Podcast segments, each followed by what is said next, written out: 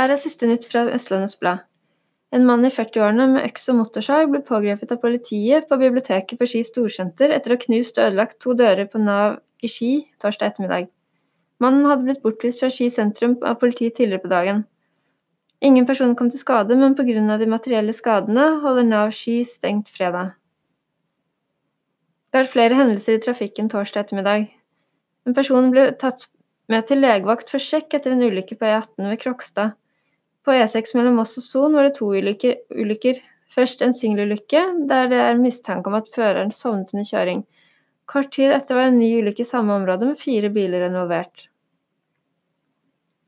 Det har vært noen skjær i sjøen for Sara Vantapirom, som skal åpne sin fjerde restaurant i Thai City-kjeden på Ski storsenter.